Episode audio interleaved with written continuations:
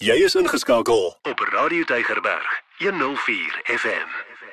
Baie welkom by ons weeklikse geselsie Kies Lewe. Ek nooi 'n kenner, Dr. François Swart. Hy's 'n kliniese en pastorale terapeut om saam met my sommer lewenskwessies kaalvuis te pak. As jy 'n vraag het, onthou vir my 'n WhatsApp te stuur na 0844 104104 en dan sal ons intyd ook graag jou vraag beantwoord.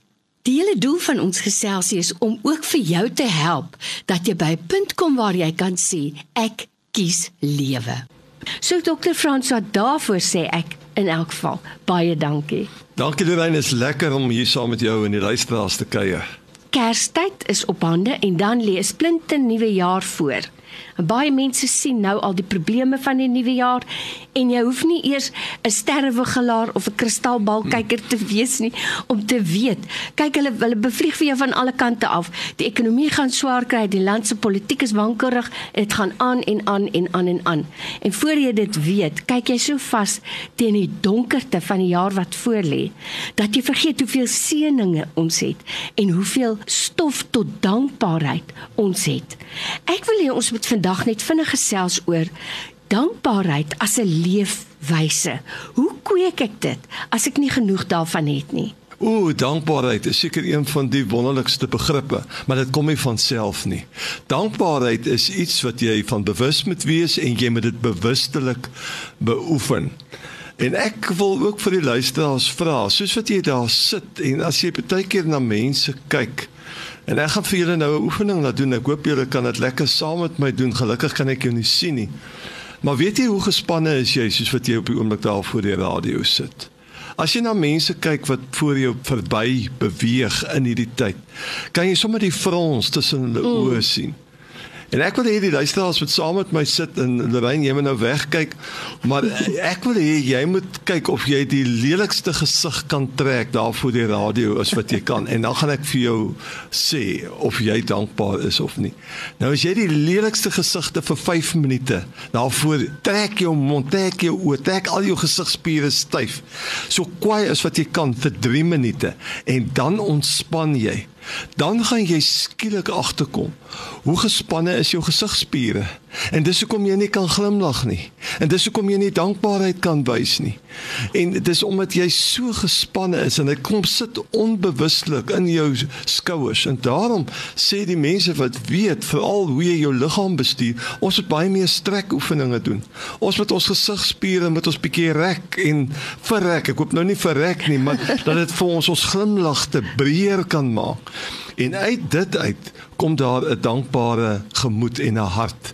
Die Bybel is vol daarvan oor dat 'n dankbare hart, 'n dankbare gees, dit is dit wat die Here soek in sy volgelinge. En Kersfeestyd is dankbaarheidstyd. Dit is 'n tyd waar ons nie eers 'n kaartjie hoef te skryf nie. Ons kan 'n WhatsApp stuur en net vir iemand laat weet. Ek wil net vir jou kom sê, dis Kersfees en ek is dankbaar vir jou om die en die rede. Jy kan ten minste aan 10 mense in hierdie tyd kan jy jou dankbaarheid bekend mm. maak. As jou ouers bejaard is, is dit tyd om vir hulle dankie te sê oor wat hulle ingebou het in jou lewe. Dis tyd om op jou knieë te gaan as jy oupa en ouma is en dankbaar te wees vir elke kleinkind vir elke klein geskenkie wat jy ontvang vir elke dag wat tot jou lewe toegevoeg word maak nie saak hoe oud jy is nie is dat jy regtig bewustelik in die oomblik sal lewe en daarvoor dankbaar sal wees. Dat jy lekker diep kan asemhaal. Dat jy die bougainvilleas kan sien, die hele wêreld vol in blom en sê dankie dat ek kleur kan sien. Dat jy vir klein goedjies soos 'n koue glas water op 'n hitte somersdag dat jy dit kan drink en en dankbaar daarvoor kan wees. Probeer om 'n lewenswyse te kweek waar jy ten minste as jy in die aande gaan slaap, dat jy kan terugdink aan die dag wat verby is. Vir hoeveel keer het ek dankie gesê vir dag? En dan hoop ons dat die frons op die gesig ook sal verdwyn en dat as jy kontak maak met mense dat jy regtig sal konsentreer om vriendelik te wees en om met 'n glimlag te luister en om ook dankbaarheid uit te spreek oor iets moois wat 'n persoon sê of doen. Ek dink uh, dankbaarheid bly elke dag in elk geval vir my 'n groot mm. uitdaging in my eie lewe het ek agtergekom jy moet werk daaraan dit kom nie sommer van self nie Sjoe, die wyse woorde Dr. François Swart, hy's 'n pastorale en kliniese terapeut en hy spandeer sy kosbare tyd en daarvoor is ons regtig baie dankbaar. ja. om met ons te gesels oor verhoudings, sommer oor die lewe.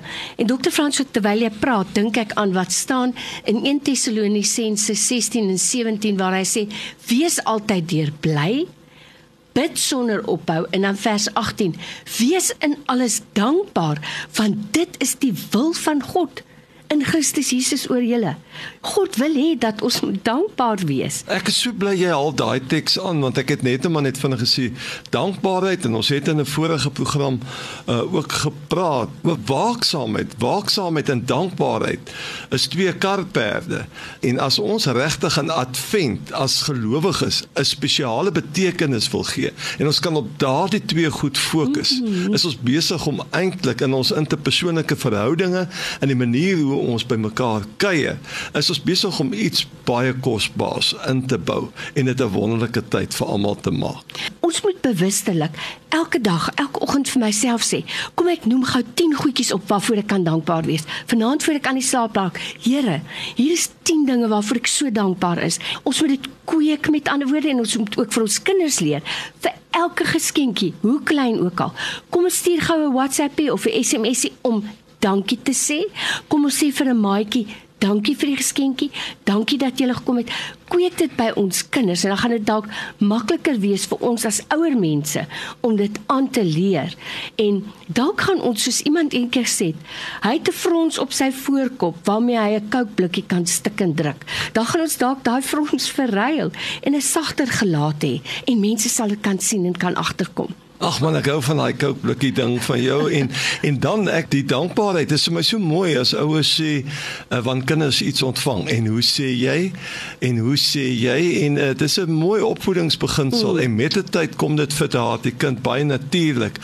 Enigiets wat hy ontvang, is hy dankbaar. Wat vir my interessant is ook van ons broers en susters in ander kulture, hulle het 'n manier om hulle knie te buig mm, mm. en en selfs hulle hande saam te slaan mm. om daardie hulle dankbaarheid te wys met hulle hele liggaam eintlik te kommunikeer.